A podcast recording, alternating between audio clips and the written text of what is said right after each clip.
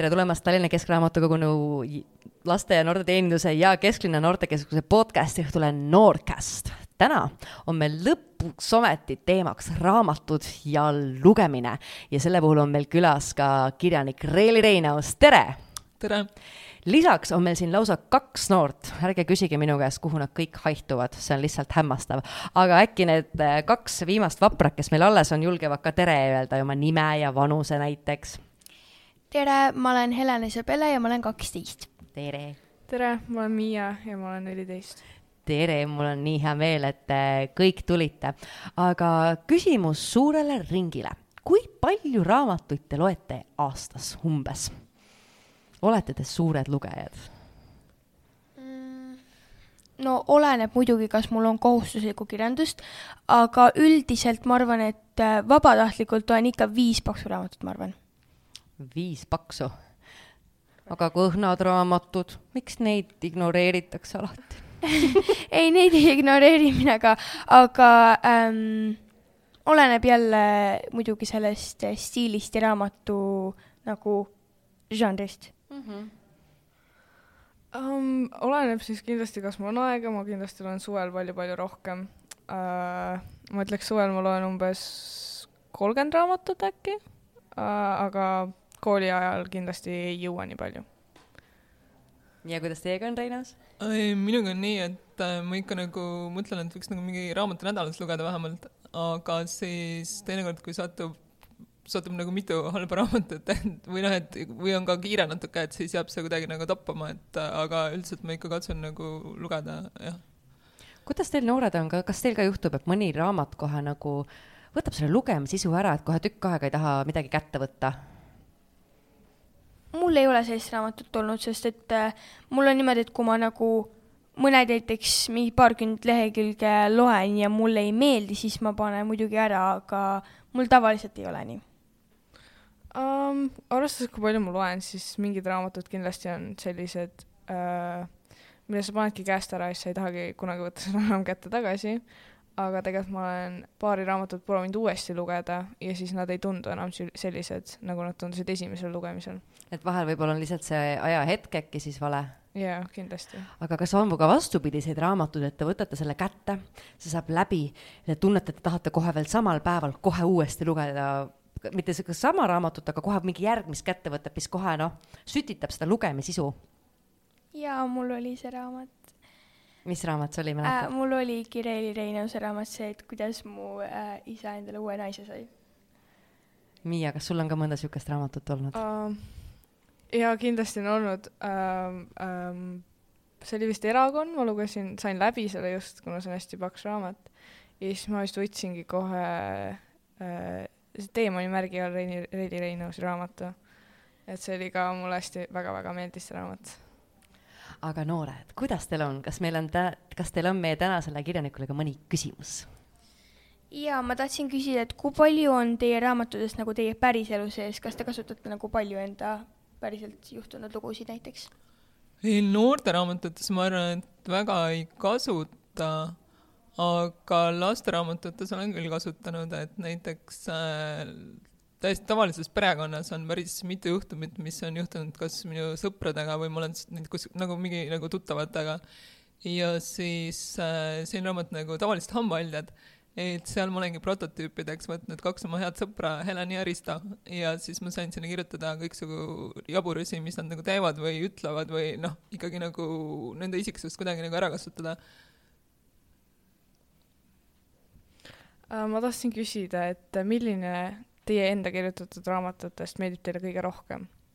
no ilmselt ma, ma nagu alati vastangi, et see tavaliselt hambahaljad, sellepärast et äh, siis mul on nagu mingi konkreetne põhjus, miks ma niiviisi vastan, et ma olen sealt või nagu selle raamatu oma sõprade pealt maha kirjutanud, aga muidu vist on küll niiviisi, et kõik on nagu natukene omamoodi armsad, et ma ei oskaks siin nagu mingit sellist äh, konkreetselt nagu ühte ega teist äh, muud moodi esile tuua. Aga kui te peaksite nüüd siin meie kohalolijatele, noortele soovitama mõnda enda raamatut, et mis need oleksid, mis neile võiks kõige rohkem sobida, niimoodi huupi? no ma arvan, et äh, vaadates neid et siis ikkagi pigem nagu noorteraamatud, et võib-olla siis äh, minu kolm viimast noorteraamatut Verikambi Mõõkade äss ja siis äh, Roosimärgi all verikambi ongi meil siin juba kaasas äh, ka. ja ma hakkasin seda lugema ja nagu esimesed leheküljed olid juba hästi hirmus, aga nagu ma väga, juba väga nagu ootan seda lugema, et. see oli tõsiselt creepy nagu see oli, see ei olnud isegi minu arust nagu õudne, see oli creepy, see puges nagu naha alla nagu. Kuna te ise kirjutate nii palju, siis mis, millisest keskkonnast te nagu armastate kirjutada? ma olen nagu kirjanikelt nagu igasuguseid asju kuulnud, et näiteks äh, ma olen kuulnud, et Miga Keränen peab olema kolm päeva kuskil täiesti nagu üksinduses ja siis ta hakkab alles kirjutama mis on vist nagu kõige sellisem ekstreemsem asi, mis ma olen kuulnud või osad käivad nagu kohvikutes kirjutamas, et äh, ilmselt siis, ma ei tea, see keskendumise kontsentratsioon on kuidagi nagu parem, aga mina nagu sageli, kui ma tean nagu, mis seal nagu juhtub selles raamatus või nagu selles äh, episoodis või asjas, mis ma parasjagu kirjutan, et siis, siis ei ole nagu väga vahet. et ma olen kirjutanud ka rongis või ma ei tea, kuskil äh, kursakaaslastega mingil Soome reisil olles et äh, no jaa, et ilmselt nagu, kui sa oled jõudnud kuhugi etappi selle raamatuga, kus tead juba, et nagu edasiminek on lihtne, et siis on nagu okei okay kirjutada mingis täiesti suvalises keskkonnas, aga muidu, kui sa alles nagu mõtteid koondad, et siis on vist jah, parem nagu selline üksindus või siis ka nagu selline olukord, kus ei pea nagu väga midagi tegema, et äh, ilmselt see on nagu põhjus, miks nagu kirjanikud käivad loomemajades ja nagu sellistes residentuurides. olete ka ise käinud mõnes äh, loomemajas? Jaa, tegelikult ma käisin ähm, kaks tuhat üheksateist aasta alguses Visbil äh, just seetõttu, et mulle ka tundus, et ma ei saa seda Roosi märgi all raamatut muidu nagu valmis, et, äh, et ma pean natukene aega ka olema lihtsalt nagu omaette. et siis, siis ei ole nagu mingit sellist vabandust, et äh, niisama siin nagu vaatan internetis üht-teist asja või nagu ei tee midagi, et siis tuleb nagu kirjutada, et kui sa oled sellisesse olukorda endast juba nagu pannud mis on nagu, mis raamat on kõige rohkem võtnud aega ja milline kõige vähem? ei, kõige vähem võttis aega, ma just täna käisin hommikul Pirital ühele kaheksandale klassile Pirita raamatukogus rääkimas ja siis seal oli ka vist see küsimus, et kõige vähem võttis aega üks lasteraamat Roosad inglid, sest ma teadsin täpselt, mis seal juhtub. ja kuidagi ma tahtsin seda ühele konkursile saata, nii et ma kirjutasin selle põhimõtteliselt mingi umbes kahe nädalaga ja mul ei olnud parasjagu ka midagi muud elus teha, nii et ma nagu hommikust õhtuni kirjutasingi ja siis äh, mul nagu laps äh, kaks hommikut magas minu tõttu sisse sellepärast, et ma olin nii vähe maganud, et ma panin hommikul kohe kella kinni ja magasin edasi. aga kõige kauem, ma ei teagi, võib-olla, ma ei oska nagu öelda, et see tõesti on nagu võib-olla see Roosi märgi all, et seda ma kirjutasin ikkagi mingi paar aastat niiviisi nagu jupiti. et äh, kui sa nagu mingi asja pooleli jätad, siis on põhimõtteliselt sa nagu alustad algusest, et sa pead hakkama nagu vaatama, et mis seal nagu siis üldse alguses juhtus või et kuidagi järje peale saada, et see tegelikult nagu on selline noh, see ei ole nagu eriti tark mõte asju kuidagi niiviisi pika aja peale nagu lasta jätta. kas teil on äh, tihti ka niimoodi, et te kirjutate mitu raamatut korraga või on alati just niisugune üks konkreetne raamat? Ei, on vist ka olnud mitu raamatut, aga siis ongi nagu erinevad žanrid või noh, mitte žanrid, aga et nagu üks on nagu noortele, teine lastele, et äh, niiviisi ei ole, et ma kirjutaksin mingit kahte noorteraamatut näiteks korraga. kuna te kirjutate nii palju, siis millise karakteriga te ennast kõige rohkem suhestate? Ei, ei, ei oska öelda. Võib-olla seal hambaainetes see krõõt, aga tegelikult jaa, ma, mul on nagu sageli niiviisi, et ma kirjutan nagu noh, hakkan kirjutama just mingit noorteraamatut. Ja siis selle verikambiga oli see, et mul oli juba nagu algusest nagu mingi kolm-neli-viis peatükki valmis, siis ma sain aru, et mulle ei meeldi ükski nendest tegelastest ja see oli tõesti nagu selline jabur arusaamine, sellepärast et ma ju ise olin need välja mõtelnud, et kuidas sai olla siis, et mulle ei meeldinud, vaid kuidas ma olin siis välja mõtelnud nii halvasti need, et nad ei vastanud nagu minu ootustele. ja siis ma mõnda aega vist ei teinudki midagi ja kui ma uuesti selle käsikirja kuidagi kätte võtsin, siis äh,, siis vist hakkas see kuidagi nagu liikuma.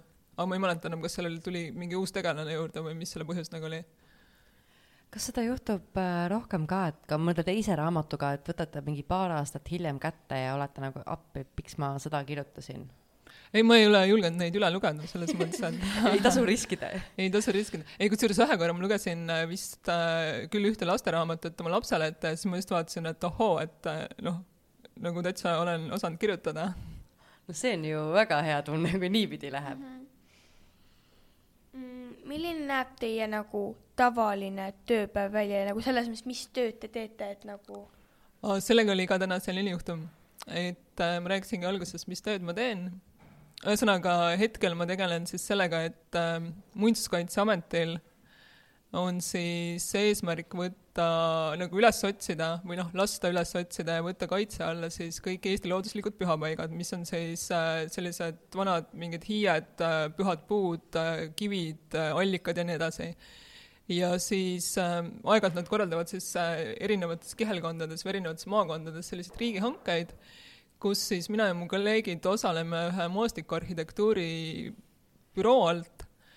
Ja siis äh, meie töö on nagu see, et me peame siis vaatama nendest äh, vanadest arhiiviallikatest, igasugustest muistanditest ja nagu niisama mingitest usundilistest teadetest siis välja need kohad Eh, otsima veel ka arheoloogide andmebaase, vaatama mingisuguseid vanu mõisaaegseid kaarte ja siis minema neid maastikul otsima. ja siis ma täna näitasin just äh, seal Pirital erinevaid pilte, et noh, et mis oli nagu mingi täiesti nagu kultuurmaastikul mingi ohvrikivi kuskil Noarootsi kihelkonnas ja siis näitasin nagu alternatiivina nagu mingit sellist täiesti totaalset võsa kuskil nagu Läänemaal ja siis lõpuks üks poiss küsis, et oota, kas ma sain õigesti aru, et te nagu sumpate seal võsas ja otsite neid asju ja siis saate nagu selle eest raha? aga no jaa, just, ma saan sellest raha, aga tõesti nagu kohati see on päris õudne, et sa nagu lähed kuskile kellegi inimese hoovi, sa ei tea, kas tal on seal nagu mingisugune murdjakoer või ei ole või et noh, tõepoolest, et kas sa ei kuku kuskil üksipäini kuskil metsas nagu tuiates mingisse auku lihtsalt ja ei jäägi sinna. et meil on nagu ikka nagu sellised riskid ka jah, kes oleks olnud või võinud arvata, et selline töö on tegelikult ohtlim kui vahel mõne, ma ei tea, keskkonnainspektori töö, kes istub päev läbi kabinetis. ei puutugi nende ohtudega kokku. aga kas teie töö on jõudnud ka teie raamatutesse? See konkreetne töö vist ei ole, aga tegelikult ikkagi enamik minu raamatuid nagu seostub natukene mingite pärimuslugudega. et ma ikkagi olen, noh näiteks Verikambis on konkreetselt äh, selle üks selline tõukepõhjus oligi see, et ma lugesin mingit muistandit ja sageli on nagu niiviisi, et kuna ma olen nagu tööhoos, et siis ma tõesti ei saa seda, see oli veel see aeg, kus mul ei olnud nagu telefoni, mis oleks pilti teinud et siis ma ei saa neid kuidagi nagu jäädvustada ja ma ei viitsi neid ka nagu ümber kirjutada ja siis need jäävadki lihtsalt kuskile teadvusesse, et selline lugu on olnud, aga mul ei ole selle kohta nagu lõpuks mingit käekatsutavat nagu noh, tõendust. et ma lugesin ühte lugu, kuidas siis ühes veskis või tähendab kuskil külas, külast eemal oli üks veski, kus siis elasidki inimesed, kes olid nagu teistsugused, nad ei käinud kirikus. no et vanal ajal oli kirikus käimine kohustuslik, mu isale mingite tööpäevad tegemine, et äh, nemad kuidagi haldasid seal veskil oma asjadega, ilmselt siis jahvatasid seal mõisale ja ma ei tea, külaelanikele ja siis äh, ikkagi nagu seetõttu, et nad äh, kuidagi nagu elasid seal üksinduses ja neil ei olnud nagu erilisi sotsiaalseid kontakte ülejäänud siis kogukonnaga et siis hakatigi neist rääkima igasuguseid äh, imelikke lugusid, et ma ei tea, et nad tegelevad seal mingi ebajumala kummardamisega või umbes omavahel saavad lapsi ja nii edasi. et selline oma ja võõra suhe nagu noh, mis on nagu tänapäevalgi ju, ma ei tea, inimesed suhtuvad pagulastesse või kellesse iganes halvasti, kes on nagu natukene teisest kultuuriruumist. ja siis selle Verikambi pealkirjaga oli veel see, et tegelikult see oli mul nagu oluliselt varem olemas kui raamat ise et ma jälle kuulasin ühte mingit lindistust, kus mu kolleegid otsisid äh, Juuru kihelkonnas mingisuguseid äh, nagu nimedega paiku mingi kohapärimuse äh, siis ekspeditsiooni raames ja siis otsiti seal Verikambi nimelist heinamaad. ja lihtsalt ku- kuna see oli nagu nii jabur nimi, et siis ma ei saanud seda nagu kasutama ette, ette, et ma panin selle endale märkmikusse kirja. Aga kas te algklassides juba nagu huvitud, huvitusite raamatutest ja kirjutamisest? ei, kirjutamisest ma nagu väga ei huvitanud, kuigi ma vist kunagi kirjutasin mingisuguse luuletuse, mille vist õpetaja saatis tähekesse, aga ma isegi ei tea, kas seal avaldati või mis sellega nagu edasi sai. aga lugeda mulle meeldis küll, jah. mis äh, nagu žanrit te siis lugesite, kui äh, te algklassides või no jah, no siis ei olnud midagi valida. Või et nagu ja näiteks ka seal Pirital, ma ei tea, miks ma sellest nüüd kogu aeg räägin, oli ka nagu teemaks äh, nagu, et kas mulle vist lapsena, kas ma lugesin ka mingeid kummitusraamatuid või kas ma nagu huvitasin sellest teemast, aga nagu nõukogude ajal nagu sellistest asjadest nagu eriti üldse ei räägitud või mingit, ei olnud nagu sellist raamatuid, kus oleks olnud mingid kummitused või üldse nagu väga palju mingeid fantaasiaolendeid. et äh, mis see küsimus nüüd oli mida meeldis äh, lugeda Aa, mida lapsena? ei no seda, mis raamatukogus oli, et see valik ei olnud nagu eriti suur, et mingi hetk mul ikkagi olid nagu kõik äh, Kohila raamatukogu, kus ma siis elasin, lasteraamatud loetud ja siis ma noh, mis olid enam-vähem kannatasid lugemist. Siukse raamatu nagu Vassjok Trubatšok ja tema sõbrad ma jätsin siiski pooleli, sest seal oli mingi kolm osa ja need, see mingi täielik äh, mingi pioneeri elu õudus. aga näiteks mul, ja ma räägin nüüd ühe trauma ka teile ära et see oli esimeses klassis. Ja siis ma olin juba lugenud vist Pippit ja veel midagi Astrid Lindgrenilt ja läksin siis kooliraamatukogust, võtsin Pullerbi lapsed. Ja panin selle siis nagu noh, selle raamatukogu naise ette nagu sinna letile ja siis ta vaatas mind ja ütles, et võib-olla, et ma pidin mingi õpilaspileti esitama, ma ei tea. ütles, et ei, et see on kolmandale klassile, et sina oled esimeses Pullerbi lapsed siis ja Pullerbi lapsed ja oleks olnud mingisugune, ma ei tea, Agatha Christie mingi mõrvalood. ja siis ma nagu olin ka natuke jahmunud ja ma ei, ma ei osanud nagu mitte midagi talle ütelda, aga siis ma nagu seisin seal ja ma igaks juhuks nagu ära ei läinud ja siis ta ikkagi hakkas minust hale ja siis ta andis selle raamatu. aga no see, see on nagu uskumatu ikkagi, mis nagu toimus meil just äh, eelmisel nädalal oli tegelikult äh, või üle-eelmisel nädalal oli teemaks keelatud raamatud, kuna septembri lõpus tähitakse keelatud raamatute nädala ja just tõstetakse esile raamatuid, mida, kus siis kas raamatukoguhoidjad või õpetajad või kuskil maailmas siis üritavad keelata nende ligipääsu piirata. Seal on igasuguseid jaburaid raamatuid, nagu Harry Potter ja igasugused asjad, aga no Pullerbi lapsed, selle peale poleks ma eales sest minu arust tänapäeval täitsa mõnes esimeses klassis võib-olla ei ole kohustuslik kirjandus, aga teises klassis juba vabalt võib olla, ta on ju, no ta on ju ilmsüütu armas lugu. absoluutselt ilmsüütu, no üks võimalus muidugi, et see nagu raamatukogu töötaja arvas, et võib-olla nagu ma ei tea, et ma ei oska lugeda või et või see on nagu liiga paks nagu minu jaoks, aga nagu ikkagi lihtsalt äh, ütelda, et ei, sulle ma ei laenuta, see tundus nagu tõesti üsna kummaline. Aga kas on mõni raamat meeles lapsepõlvest, mis oli just lemmik, mida sai korduvalt-korduvalt loetud? ma vist nagu nii väga korduvalt ei lugenud raamatu, nagu kui ma olin nagu vist võib-olla ka mingi esimeses klassis vara veel enne kooli nagu, meil oli selline raamat nagu Vanaema ja kaheksa last metsas. ja siis seda ma vist küll lugesin võib-olla nagu või noh, algul võib-olla loeti mulle seda ette siis ma lugesin ise, et kuidagi nagu selle, see raamat on nagu eredamalt nagu minu teadvuses kas äh, mõni raamat on inspireerinud ka teie kirjutamise alustamist või mõnda raamatut ennast? ei, niiviisi vist ei saa öelda otseselt, aga ma aeg-ajalt loen küll nagu just äh, siis nagu välismaise, välismaist noortekirjandust, noh, mitte otseselt kuidagi nagu ins-, noh, võib-olla ka nagu kaudselt inspiratsiooni saamiseks, aga noh, jaa, et vaadata, et kuidas siis, kuidas siis nagu on selle välismaise, selle žanri raamatutega lood aga mis äh, välismaist noortekat te meie noortele soovitaksite? mulle nagu tohutult meeldis äh, esimene osa, aga siis lõpuks minu meelest see läks nagu veits käest ära, oli Ilusad olendid, mis on siis äh, kahe kirjaniku kirjutatud. Ja üks on Garcia. teine on mingi Margaret Stoll või jah, Garcia ja Stoll, täpselt niimoodi. mulle mingi... nagu see esimene raamat nagu tohutult meeldis, seal oli nagu nii hästi kirjeldatud kogu seda õhustikku aga siis need järgmised osad, teine osa oli vist ka okei okay,, aga siis kolmas osa nagu läks juba nagu natukene liiga selliseks fantaasiaraamatuks ära. Sarjadega tihti juhtub äh, niimoodi, et esimene nagu läheb suure hooga ja siis kuidagi hakkab nagu ära vajuma, minu arust täitsa haruldane nähtus noortekirjanduses on näha fantaasiaraamatut, mis on üksikteos, mis ei ole sari ja teil just äh, neid raamatuid ka on. aga mis noortekaid te veel soovitaksite, kas on mingeid ka Eesti autoreid, keda veel loete noortekirjandusest? No kui ma ikkagi lugesin Aidi Valliku esimest seda Kuidas elada on või ma ei tea, mis, mis ja. see tal esimene oli, sest Nii. need pealkirjad lähevad mul kõik nagu natuke sassi, et siis ma olin küll nagu üllatunud, et ohoo, et noh, selline raamat. et ma ikka, ma olen paar korda Aidi Vallikule öelnud, et miks ta nagu noortele ei kirjuta rohkem. jaa, palun seda talle öelda väga palju kordi ma just, noh, mina lugesin ka noorena Kudasele Tanni, kui see ilmus, siis ma olin ise umbes noor, hullult meeldis.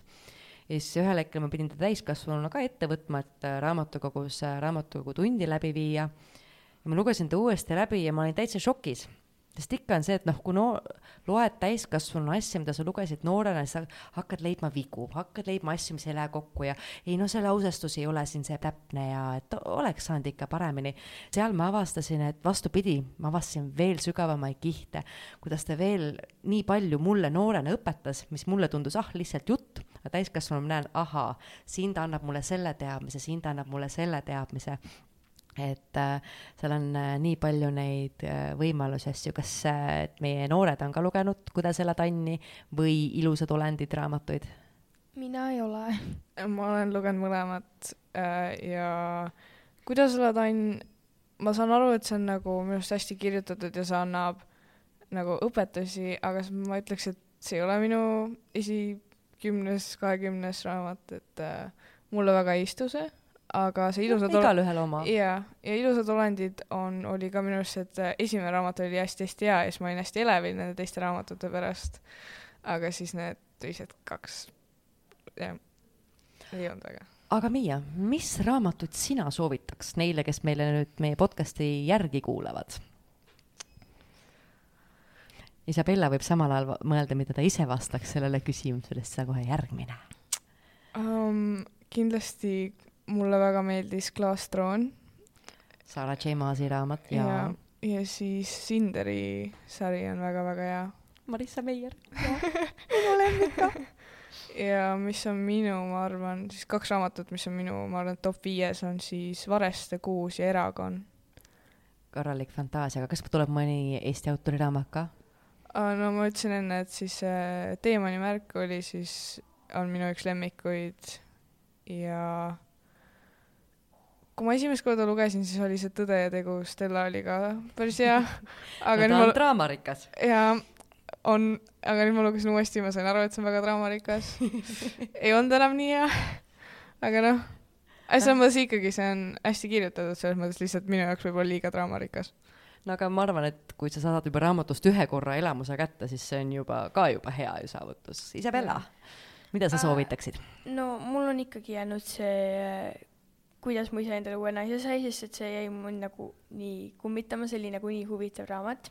lihtsalt naljakas, eks ja ole. nii naljakas, ma nagu kahe päevaga lugesin selle läbi ja nagu isegi võib-olla kiiremini, mul iga nagu hetk lihtsalt võtsin selle raamatu kätte kogu aeg nagu lugesin äh,. siis ma ei tea nüüd, no see on raamat, muidugi see on äh, nagu pigem koomiksi sarnane, aga seal on ikkagi äh,, seal on mitu osa äh,, see on Amulett äh, kus on siis äh, noh, sellised hästi fantaasiarikas äh,. siis kunagi ma lugesin väiksemana, lugesin vist mingi Pahupidi kool või ma ei mäleta täpselt seda pealkirja, aga mingi Pahupidi kool oli Pahupidi kooli. isemoodi lood, Louis Sakar.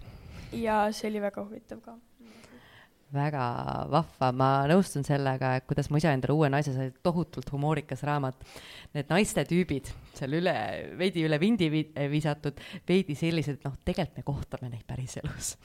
see oli nagu äh, nii tohutult naljakas ja ma neid ikka üritan lastele ka näppu suruda. ma mõtlen, et ma tahaks ise ka ilgelt midagi soovitada, vabandan kuulajate seas, raamatuga Hoidja kutsehaigus on soovitada raamatuid ja kui ma tahaks noortekirjanduses soovitada midagi, mida enne ei mainitud, nüüd mul on kuul koos. Eesti autoritest peale loomulikult Reili Reinause raamatute tasuks vaadata näiteks Ene Sepa Taevatühjad tribüünid, Heli Künnapase uusim raamat Mälestusteta suvi, muidugi siit mulle meenub, et tegelikult Ene Sepal ilmus ka uus raamat Lumelinnu surm, mis on ka väga kihvt ja välisautoritelt ma soovitaks paar niisugust vana klassikat, Rudi Kanavani Võlurite gild ja Maria Snyderi Mürgiõpetus. kas nendest on ka mõni tuttav teile? ja on küll. Võlurite gild on väga, väga kõrgel kohal, ma ütleks minu raama, loetud raamatute hulgas, et väga-väga meeldis. tema puhul on nii kurb see, et ta on juba nii vana, ta raamatukogu raamatuna, ta on ümber köidetud, ta näeb sihuke kole, väsinud pläss välja, aga ta on nii hea. aga Miia, sul on ees järgmine küsimus, mis seal ma näen? um,. ma tahaks teada, kuidas te saite aru, et nagu millal või kuidas ja millal te saite aru, et te tahate saada kirjanikuks?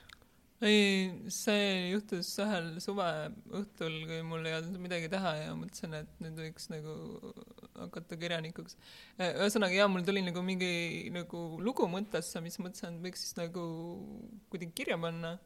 ja siis ma paningi vist nagu mingi, noh, ma ei, ma ei mäleta enam, see oli nii ammu, kas siis mingi paari päeva jooksul või mingi nädala jooksul ja siis oli seal võib-olla mingi selline kümme A4 lehte arvutis või natuke rohkem, siis ma sain aru, et mul ei ole rohkem ühtegi mõtet, aga ilmselgelt see ei ole nagu päris raamat.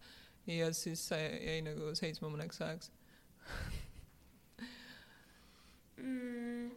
mis žanrit teile meeldib nagu kirjutada kõige rohkem või mis, mis nagu žanrit te olete kõige rohkem nautinud kirjutamisest? võib-olla nagu selles mõttes ikkagi noortele, et äh, sageli on niiviisi, et ma ise ka ei tea, kuidas see raamat nagu lõpeb või et kes seal nagu tegelastena veel välja ilmuvad ja teinekord ongi niiviisi, et äh, need tegelased, kes mul nagu alguses on välja mõeldud, et need võivad sageli jääda ka natukene nagu tahaplaanile, et äh, tulevad hoopis mingid uued ja ägedamad tegelased, kes mulle rohkem meeldivad.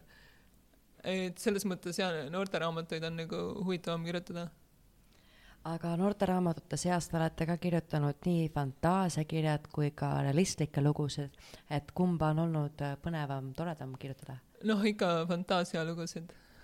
See tuleb vist juba see ka kutsehaigusega kaasa, need noh, et siis on nagu endal ka natukene põnevam või noh, et mingit sellist äh, tavalist nagu tõsielu, noh, mõnes mõttes ka võib-olla nagu sellist tavalist tõsielu kirjutamiseks ma võib-olla hakkan juba nagu liiga vanaks jääma või noh, et tegelikult ikkagi kui ma tahan kirjutada noorte nagu mingist päris nagu maailmast, siis ma ju peaksin seda kuidagi nagu uurima või ma ei tea, tegema mingeid intervjuusid või vähemalt noh, ma ei tea, et see kujutada ette, et ma tean, kuidas nagu tänapäeval noored omavahel suhtlevad või mis neid nagu huvitavad, see on selline nagu pigem ka nagu minu fantaasia sellisel juhul.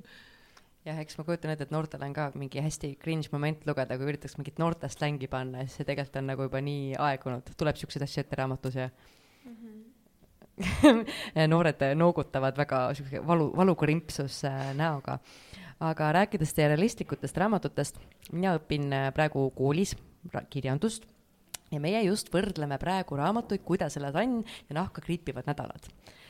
Ja ma lugesin Nahka kriipivad nädalat esimest korda aastal kaks tuhat kuusteist.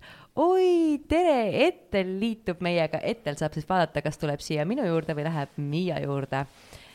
et äh, ma lugesin seda tükk aega tagasi, vahepeal ma olen lugenud, ma mäletan, mulle meeldis, siis vahepeal on tulnud kõik need verikambid, mõõkatäes äh,, roosimärgi all, et rohkem siuksed fantaasiarikkad teosed ja siis ma olingi ära unustanud, kuidas te üldse nagu siukest realistlikku kirjutate, kuigi noh, mõõkatäes oli ka tegelikult realistlik mm. -hmm. ja siis ma avasin selle esimene mõte, mis mind äh, tabas, oligi see, et äh, nii realistlik just äh, noortekõne äh, kirjutatud, et ma isegi vahepeal ehmatasin ära, ma enam ei olnud harjunud noortekirjanduses nägema erinevaid siukseid äh, vängemaid äh, sõnu, mida tegelikult tänapäeva noortekirjanduses hästi harva kasutatakse, et aga see on tegelikult realistlik, see tegelikult kajastab seda noorte elu rohkem.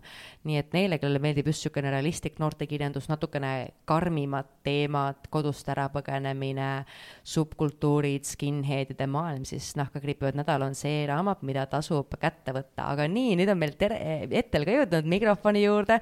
Miia liigutab natuke mikrofoni, et Ettel saab ka tere öelda. kui vana sa oled? Kaksteist kas sa raamatuid loed? ja nii tore. meil oli enne just juttu raamatutest, mida me soovitame noortele, mis raamatut sina noortele soovitaks?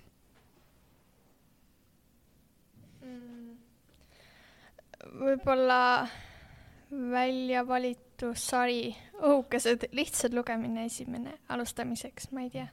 aga kas on ka Eesti autorite raamatuid, mis sulle on meeldinud? Muidugi jah, Kiira Kassi välja valitud, ma ka alati soovitan. niisugune nagu The Bachelor sari ainult et tulevikumaailmas, totaalne seebiooper. Äh, mulle meeldis Taeva tühjad tribüünid. ja Ene Sepa üks uusimatest raamatutest, väga äge, aga nüüd oli vist äh, Isabellal järgmine küsimus kus koolis te käisite ja kas äh, õpetajad näiteks märkasid äh, teie annet näiteks lugemises äh, ka näiteks põhikoolis või gümnaasiumis? lugemises? ja, ja, ja ei absoluutselt ei, lugemises. meil oli nagu see, et ma käisin Kohila koolis, lõpuks oli see gümnaasium, alguses oli keskkool ja siis meil oli, noh, ilmselt see on ka mingi nõukaaja nagu selline trend, et äh, kõiki asju tuleb nagu mõõta ja vaadata, kuidas lapsed arenevad, et meil oli mingi umbes lugemis äh, selline võistlus, et kes vist mingi ühe minuti jooksul loeb nagu kõige rohkem tähemärke see kõlab väga ägedalt, ma tahan osaleda. ja, ja mina võitsin. selles mõttes, et äh, noh, absoluutselt, ma, ma ei saanud nagu üldse aru, et noh, mis challenge see selline nagu on või et noh, minu meelest ei olnud nagu rohkem kui minut, aga kuna see oli esimene klass, et siis ja see tekst oli nagu, vist oli isegi kaks võimalust, et üks oli nagu tuntud, noh, mingisugune tekst, mis sa oled juba kodus umbes läbi lugenud, kuigi mina vist kunagi ei lugenud esimeses klassis mingisuguseid nagu asju nagu selle lugemise mõttes, sest ma ikkagi oskasin väga hästi lugeda ja siis teine oli mingi tundmatu tekst, noh, mille puhul siis see, kes ei olnud võib-olla harjutanud, tegi rohkem vigu või nagu koperdas seal mingite sõnade puhul. aga nagu noh, iseenesest täiesti nagu jabur asi ikkagi. aga kuidas seda kontrolliti, et tekst sai loetud? Ei no see, need tähed olid äh,, aa, et nagu kodus või? ei noh, see, ma saan aru, et see on aja peale, jaa, aga need tähed olid ju- nummerdatud. aga seal saab ju sohki teha, vot ma nüüd jõudsin hoopis ei, sa pidid siiamaani. kõva häälega lugema. aa, ja kõva õpetaja vaatas häälega nagu kõrval ja tal oli stopper käes. et see ei olnud mingi Vau.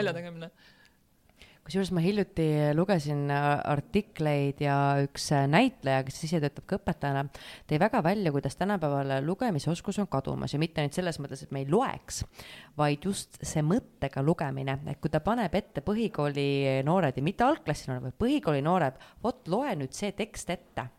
Siis kuskilt esimesed kaks-kolm sõna ütles ta, loetakse korralikult ja edasi hakatakse sõnu juba ennustama, hakatakse nii-öelda, üritatakse haarata üldpilti ja anda üldist juttu, selle asemel, et iga sõna ükshaaval lugeda ja hakatakse koperdama.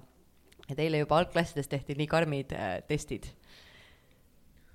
ma tahaks teada, et äh, kuidas käib vali-, nagu raamatu kaane valimine, kaanepildi, et või kas te üldse valite ise seda? ei, see on nagu nii ja naa, et äh, näiteks tänapäeval vist väga ei lase mul midagi ise valida ja ma ma olen nagu siiamaani nagu suhteliselt rahul ka olnud või et nagu mõned on olnud näiteks vaevatute kaas, mis nad said ise ka aru, et see on mingi täielik jama ja nad vahetasid poole nagu selle sarja pealt nagu kunstniku. aga nendele Varrakus ilmunud noorteraamatutele ma olen küll valinud ja erinevate variantide vahelt ja ütelnud, et ei, ei, et see, see on nagu parem ja siin on nüüd mingid äh, verenirad nagu pikemad ja vingemad. mis on teie enda raamatutes kõige, kõige lemmikuma kaanepildiga? No ma ei tea, võib-olla see verikambi on sellepärast, et see oli esimene nagu selles, nüüd nad äh, ongi nagu teinud, et niisugune must kast on nagu seal ümber, et nad näevad nagu suht sarnased välja. et see on nagu päris vinge. aga lasteraamatutest, sest seal ju lisandub ka see illustratsioonide efekt. mulle tundub, et äh, et Ott Valliku kaks raamatut siis, mis ta on illustreerinud, Triibik ja Pärdik Päär, et need on nagu üsna hästi vist ka nagu poes kuidagi otsa saanud. et äh, noh, seal on nagu siuksed äh, toredad värvilised pildid, mis nagu kutsuvad äh, lugema ja kutsuvad ostma. ma, ma kiidan Suusi raamatut ka, see on nii ilus. aa, ja, ja Suusi raamat on tõesti ilus. see on puhas kunstiteos lihtsalt. Äh, et millal alustasite kirjutamist? Et millal oli nagu esimene, ei pidanud olema nagu raamat, aga millal oli esimene näiteks mingid väiksed äh, lood või jah, ma üldse mingeid väikseid lugusid ei kirjutanud, sellepärast et äh, nagu tundus täiesti mõttetu raiskamine. et äh, me vist keskkooli ajal kirjutasin mingeid luuletusi ja ma arvan, et nagu kõik kirjutasid või noh, ilmselgelt on kõik ei kirjutanud, aga mina kuidagi kirjutasin ja ma ei ütleks, et ma oleks nende üle nüüd kuidagi uhke olnud või, aga noh, mina ei tea. Oli vaja kirjutada. aga siis äh, ja esimene nagu selline pikem tekst tegelikult oligi siis äh, minu esimene raamat, mis oli nagu rohkem täiskasvanutele mõeldud, mille nimi oli Unenägu. et ma nagu juttudega ei hakanud ennast vaevama. et, et tegelikult juttudega ongi keerulisem, sellepärast et ma olen mõned korrad kirjutanud Tähekesse ja viimati kirjutasin äh, ajakirja Heas, Hea laps nagu loo ja issand, kaua mul läks aega selle loo väljamõtlemisega just seetõttu, et ma teadsin, et see lugu peab olema lühike, et ma ei saa seal hakata nagu heietama mingi nagu ühe tegelase ja teise tegelase silme läbi mingit asja, et see peab nagu noh, olema lühike ja kompaktne ja mul on nagu väga raske sellist asja teha. Äh, Teie viimased noorteraamatud ongi olnud alati väga mitmest perspektiivist, et kas te eelistategi sellist äh, kirjutamisstiili? mul saavad nagu mõtted otsa. Ja siis ma pean mingi uue tegelase või mingi teise perspektiivi võtma, et see on nagu täiesti nagu see on oskamatus äh, ja ma, ma küll seda oskamatuseks ei nimetaks, ta annab just nii palju võimalusi juurde ühe, ühe loo jutustamiseks, erinevaid tahkusid avaldada ja ka noorele ma arvan, et on hea näha, et ühes loos ei ole ainult see, kuidas üks inimene seda näeb mm. -hmm. teine Jah. inimene vaatab sedasama situatsiooni hoopis teise situatsioon, teise koha pealt ja aitab meil olla võib-olla empaatilisem ja ka oma elu probleemides äkki vaadata teiste elusse rohkem aga võib-olla see on ka nagu see, et miks tänapäeval ju ongi raske nagu keskenduda, et kõik asjad peavad olema nagu lühikesed või nagu ja noh, ilmselt minul endal on ka nagu see probleem, et kui ma nagu ühest tegelasest kirjutaksin juba mingi kolm lehte järjest, et siis mul hakkaks igav. et siis peabki tulema nagu järgmine tegelane, järgmine situatsioon, järgmine võib-olla isegi mingi ajastu. et ma arvan, et see on nagu noh, see on nagu võib-olla noortele lugejatele söödavam ja see on nagu mulle endale ka lihtsam aga kuidas meie noored ütlevad, kui, kas te eelistate raamatut lugeda, mis on kõik, terve lugu on ühe jutustaja inimese perspektiivist või on, et äh, ühel hetkel räägib Claire ja siis teisel hetkel räägib Rene? Sorry, ma olen nahka kriipivates nädalates sees, ma eile analüüsisin seda pool õhtut um. mulle, mulle meeldib väga see, kui nagu erinevad perspektiivid on, sellepärast et kõik mõtlevad asju erinevalt ja kuidas inimesed asju näevad, on ka täiesti erinev. Sellepärast mulle väga ei meeldigi need, kui üks inimene räägib terve loo, sest sa näed tõesti lihtsalt nagu ühe inimese, kui mida tema mõtleb, aga nagu teistel on ka mõtted. ja see üks perspektiiv võib olla väga kallutatud ka mul on niiviisi, et mulle meeldivad tegelikult sellised lood, kus on palju erinevaid inimesi, aga samas vahepeal väsitab ära, et mulle meeldib see, kui mul on üks kindel, mul on millegist kinni hoida selle kogu loo juures, kui on selline hästi segamini lugu kogu aeg, siis ma tean, et mul on see üks inimene, kellel ongi see kõik segamini, kui mul on mitme inimesega korraga kõik segamini, väga raske on lugeda. sa pead märkmiku kõrvale võtma ja tegema konspekti väga hea mõte. ja sa oskad ju joonistada, sa joonistad kõigi tegelaste näod veel sinna juurde. siis on hea järge peal pidada, kusjuures äh, üks raamat on, ma ei oska selle autori nime elu sees hääldada, Gerham äh,, Kuu, Kuuvalgel, Kuuvalgel unistajad, aitäh, ja, ja seal on ka läbi mitme tegelase jutustatud ja kaane peal on kõigil nende tegelast kujutatud foto, on võetud mingi suvaline stokkfoto internetist kusjuures mingil meie Eesti ka- ka- raamatukaanel on ka üks samasugune stokkfoto kasutuses. ja, ja siis ma vahepeal oligi, et järge peal hoida, et sealt tuli noh, mingi äh, Maria hakkab rääkima, ma enam ei mäletanud, et milline see Maria oli, vaatasin kaane pilti, ahah, ta oli see kotitüdruk. et see aitas, päriselt aitab järge peal pidada. Oli ka mingisugune raamat, kus alguses oli kõikide äh, tuhandes korrus. seal oli kõikide tegelaste kirjeldused olid alguses, kui tuli uus tegelane, ma vaatasin algusest, kes see on nüüd ja siis vaatasin edasi nagu. Isabella, kuidas sul on, kas äh, eelistad pigem üks jutustaja või läbi mitme inimese silme? mm,.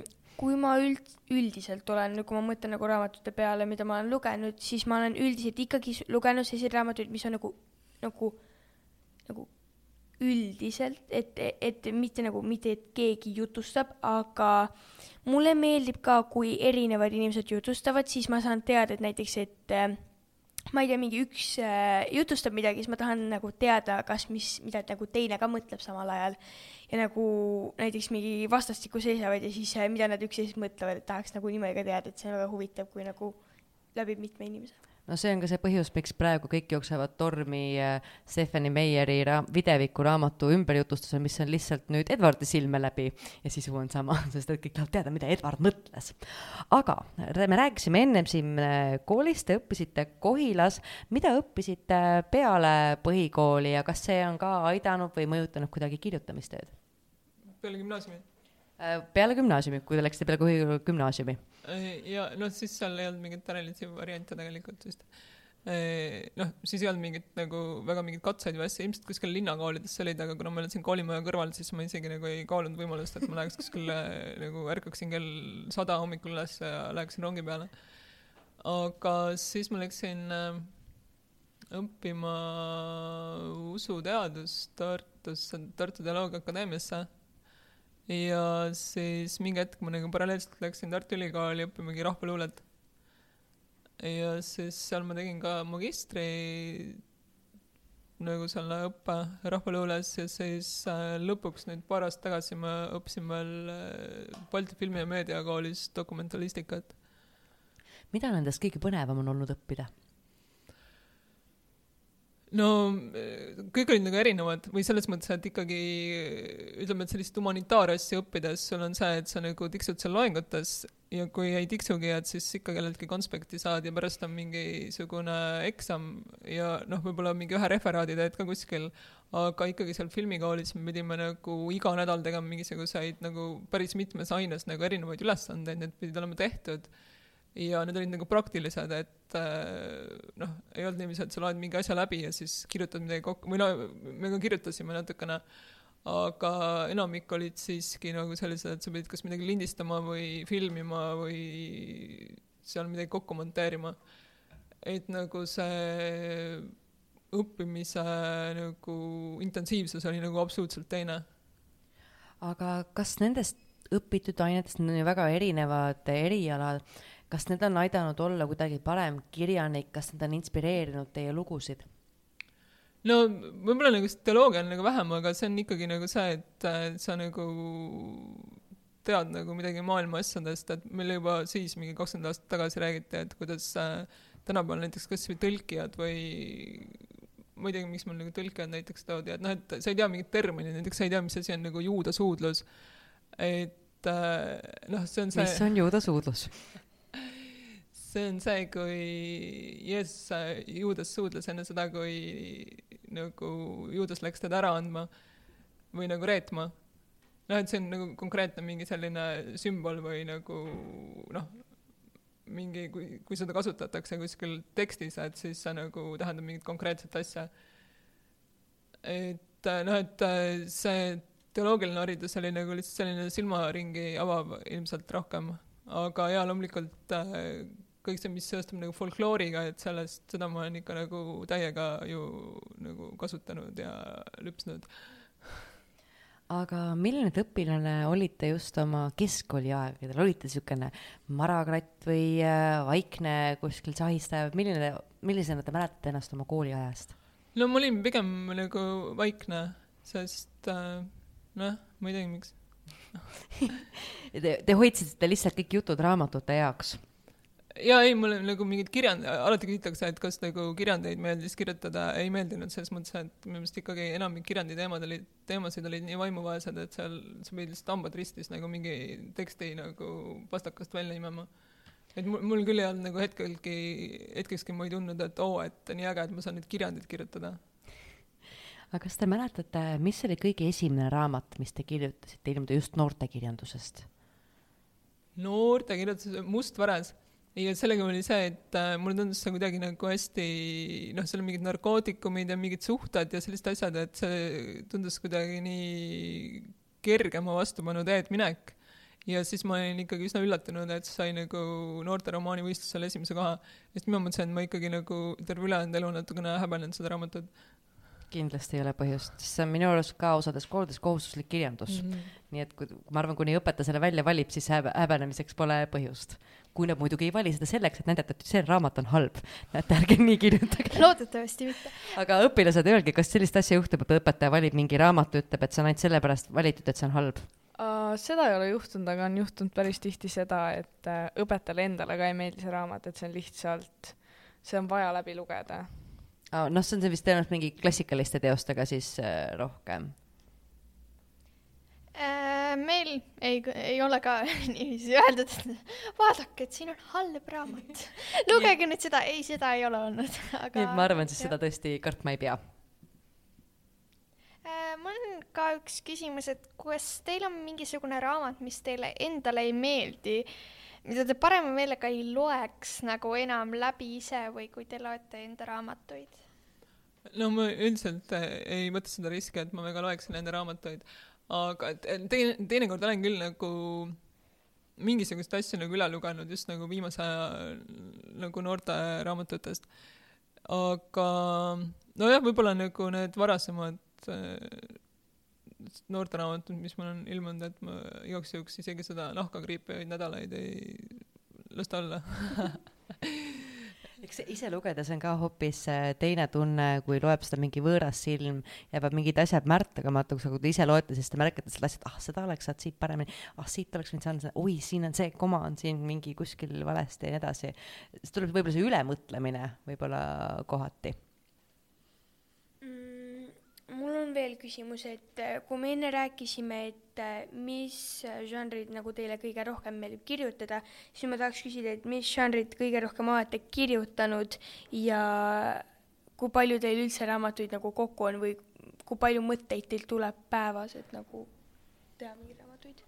ei, ei tule vist nagu päevas midagi, aga ma, ma ei teagi ausalt öeldes kas ma olen kirjutanud rohkem, vist ikka lasteraamatuid olen rohkem kirjutanud kui noortele.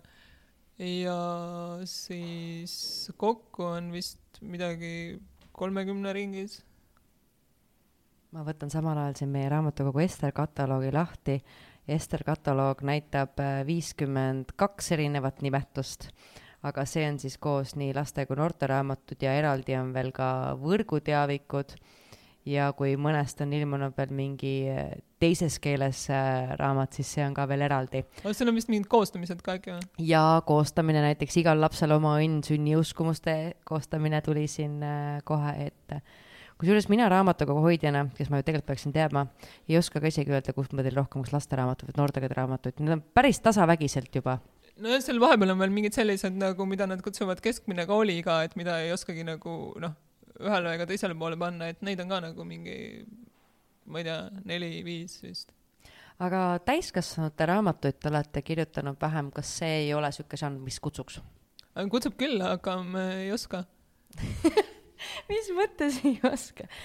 no need peavad ju olema, seal peab olema mingisugused tohutult äh, pikad filosoofilised arutelud teemadel, mis äh, köidavad ka umbes neljakümne viie aastaseid mehi või veel vanemaid, või no selles mõttes, ma ei taha nagu mingeid naistekaid kirjutada, neid ma võib-olla oskaksin, aga et ma tahaksin ikkagi kirjutada nagu sellist äh, nagu raamatut, mis äh, köidaks ka nagu, ma ei tea, erinevaid äh, siis äh, vanusegruppe või mehi, naisi ja nii edasi, et aga ma nagu püüan ennast kokku võtta ma arvan, et kindlasti mingisugune jälle kas mütoloogiast või meie kohapärimusest äh, pärit lugu võiks tõesti kõnetada ju igas vanuses inimesi. nojah, aga siis juba selle mütoloogia või kohapärimuse juurde on nagu natukene selline põnevusasi nagu sisse kodeeritud, aga ma tegelikult äh, vist ei tahaks hoopis teist suunda minna. ja, ja, ja me, me ei tahaks mingit nagu detektiivilugu või mingit sellist asja kirjutada nagu täiskasvanutele oo, palun noortele ka detektiivilugusid. nagu neid ju nagu on. ei ole. meil on mingeid selliseid tüüpilisi vist ei ole jah, aga et ju enamiks nendes noorteraamatutes ju ikkagi on mingi asi, mis lõpuks nagu laheneb no probleemi lahendust jaa, aga niisugust meil igatsetakse kõige rohkem, tegelikult noored igatsevad äh, krimikirjandust, vaid noogutate minuga kaasa ja, ja ma oskan öelda, meil on äh, Salla Simut ka Punane nagu veri meil on Karen Emmek Maanuse kaks uut noortekat, mis ilmus, üks meist valetab ja kaks suudavad saladust hoida. ja äärmisel juhul võib Greeni tapjainstinktiga lugeda selleks ja ongi kõik. ma ei oska kahjuks aidata võiks ju aga kas praegu on teil ka mingi raamat äh, pooleli, mida te praegu te kirjutamas olete? Ei, on küll, üks äh, noortekas ongi pooleli ja siis juba pikemat aega on pooleli ja võib-olla jääbki pooleli. no tähendab, ei jää pooleli, aga ma ei teagi, miks see nagu nii keeruline on hetkel mul sealt kuidagi edasi minna. no vahel vist tulebki lihtsalt mingisugune plokk ette jaa, aga see plokk on juba nagu pikemat aega kestnud või et mul nagu vahepeal nagu kirjutan natukene umbes mingi kolm päeva järjest ja siis on jälle täielik nagu tühjus. aga kust te üldse leiate seda aega, et kirjutada, te ju käite tööl, teil on elu no selle tööga ongi see, et ma nagu ei käi nagu iga päev midagi tegemas. et äh, nagu aega mõnes mõttes nagu on. et pigem on võib-olla just see, et kuna aega on nii palju, et siis ma ei oska seda sihtotstarbeliselt kasutada. no raamatute kirjutamine on väga hea viis, kuidas seda sihtotstarbeliselt äh, teha äh,. kuidas saada kirjanikuks? See on üks kõige tüüpilisem küsimus, mida meil õpilased raamatutundides küsivad kirjanikult, kuidas saab kirjanikuks? no ma arvan, et äh, kindlasti on mingeid erinevaid vastuseid, et sulle peab meeldima nagu kirjutamine, ma nagu vihkan kirjutamist. et kuidas see võimalik on? jaa, no see, see on nagu vastik. Aga kui mul nagu mõte jookseb või et ma tahan nagu mingit sellist äh, lugu nagu edasi anda või nagu ma ei tea, lugu välja mõelda või kirja panna, et siis ma nagu võtan selle vaeva ja selle riski. et äh, jaa et võib olla niiviisi, et äh, peab kirjutamine meeldima või siis peab olema nagu nii hea lugu, mida sa tahad nagu teistega jagada, et siis lihtsalt paned selle hambad ristis kirja ja ongi olemas. no ma olen šokis, et noortekirjanduse kõige viljakam noorteautor ütleb, talle ei meeldi kirjutada. jaa, absoluutselt, ei meeldi. kas teil on lugemisega ka nii, et kas te naudite raamatut lugedes seda lugu, mis te sealt saate, või kirjutamist? tähendab seda lugemise protsessi ennast, et te saate neid sõnu seal lugeda? Vist mitte need sõnad. Ja ikka, ikka lugu, sellepärast et sõnadega mul on üldse nagu see kirjutades ka, et kunagi üks nagu väga hea toimetaja, kes mul on viimaseid just neid Varrakus äh, noortekaid toimetanud, Tiina Aug, ma ei ole teda näinud, ma isegi ei tea, kuidas ta nagu välja näeb, ma isegi ei ole vist teda guugeldanud või ma arvan, et ma olen guugeldanud, aga ma ei tea, kas tal on nagu üldse mingeid pilte kuskil.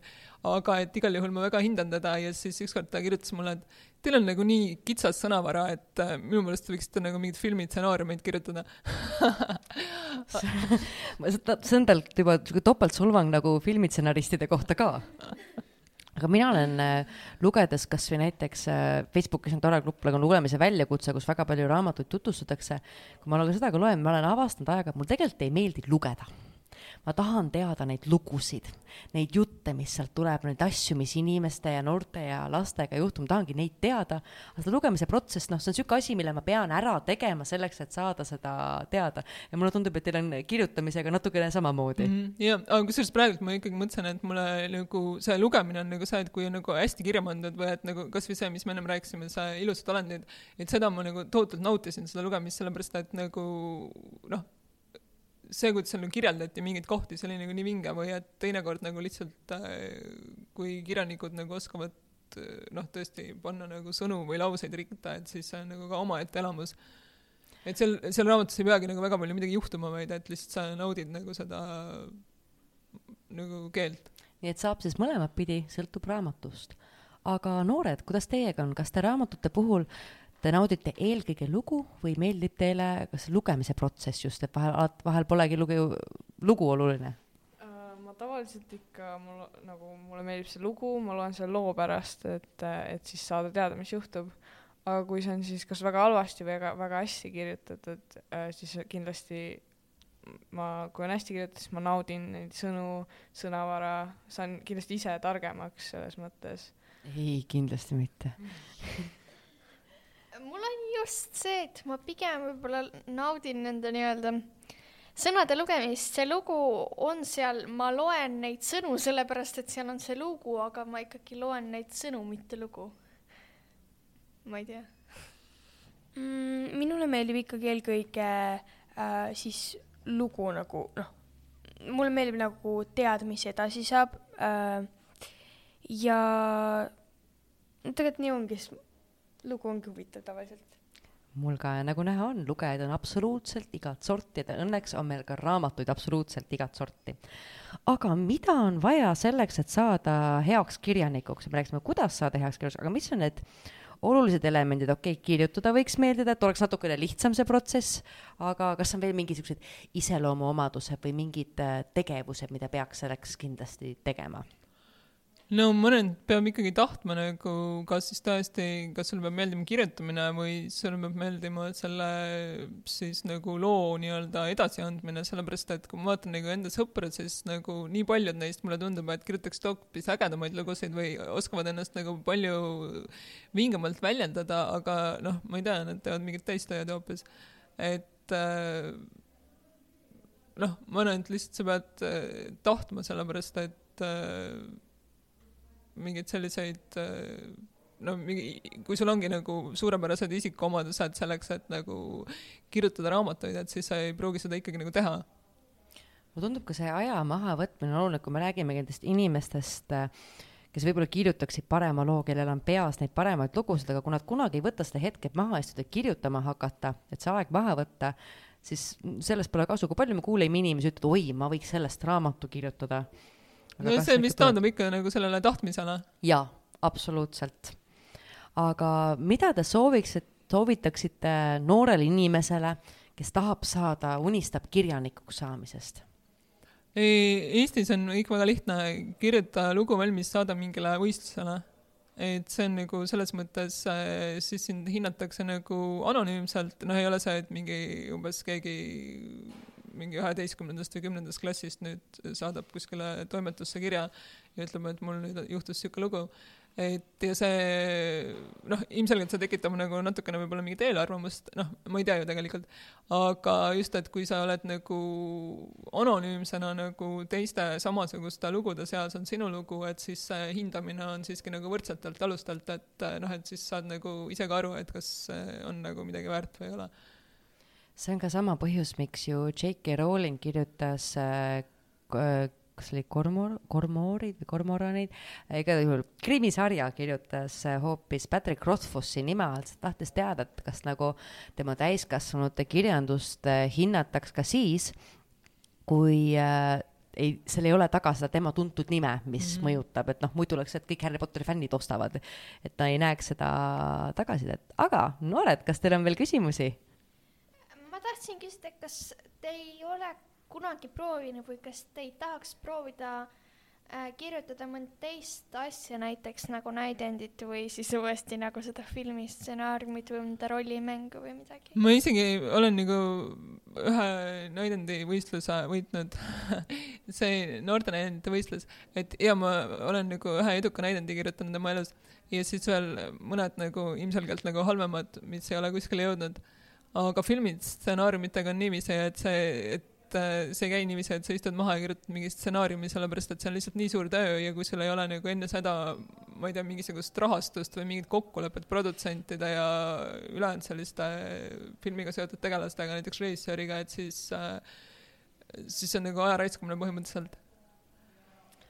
Aga sellega me tänase podcasti õhtu koomale tõmbamegi, aitäh, kes tulid siia kohale, aitäh, Reili Reinaus, aitäh, Aitäh. meie fantastilised noored, aitäh, need vaprad, kes on hoopis praegu seda kuulavad kuskilt mõnelt meie platvormilt järgi ja on lausa selle teksti lõpuni jõudnud. järgmine podcasti õhtu on koolivaheaja puhul meil podcasti õhtut ei toimu ja järgmine podcasti õhtu on kahekümne kaheksandal oktoobril kell seitseteist null null Kesklinna noortekeskuses aadressil Raua kakskümmend kolm. jah. ja ootame siis teid juba sinna osalema ja nägemiseni. nägemist.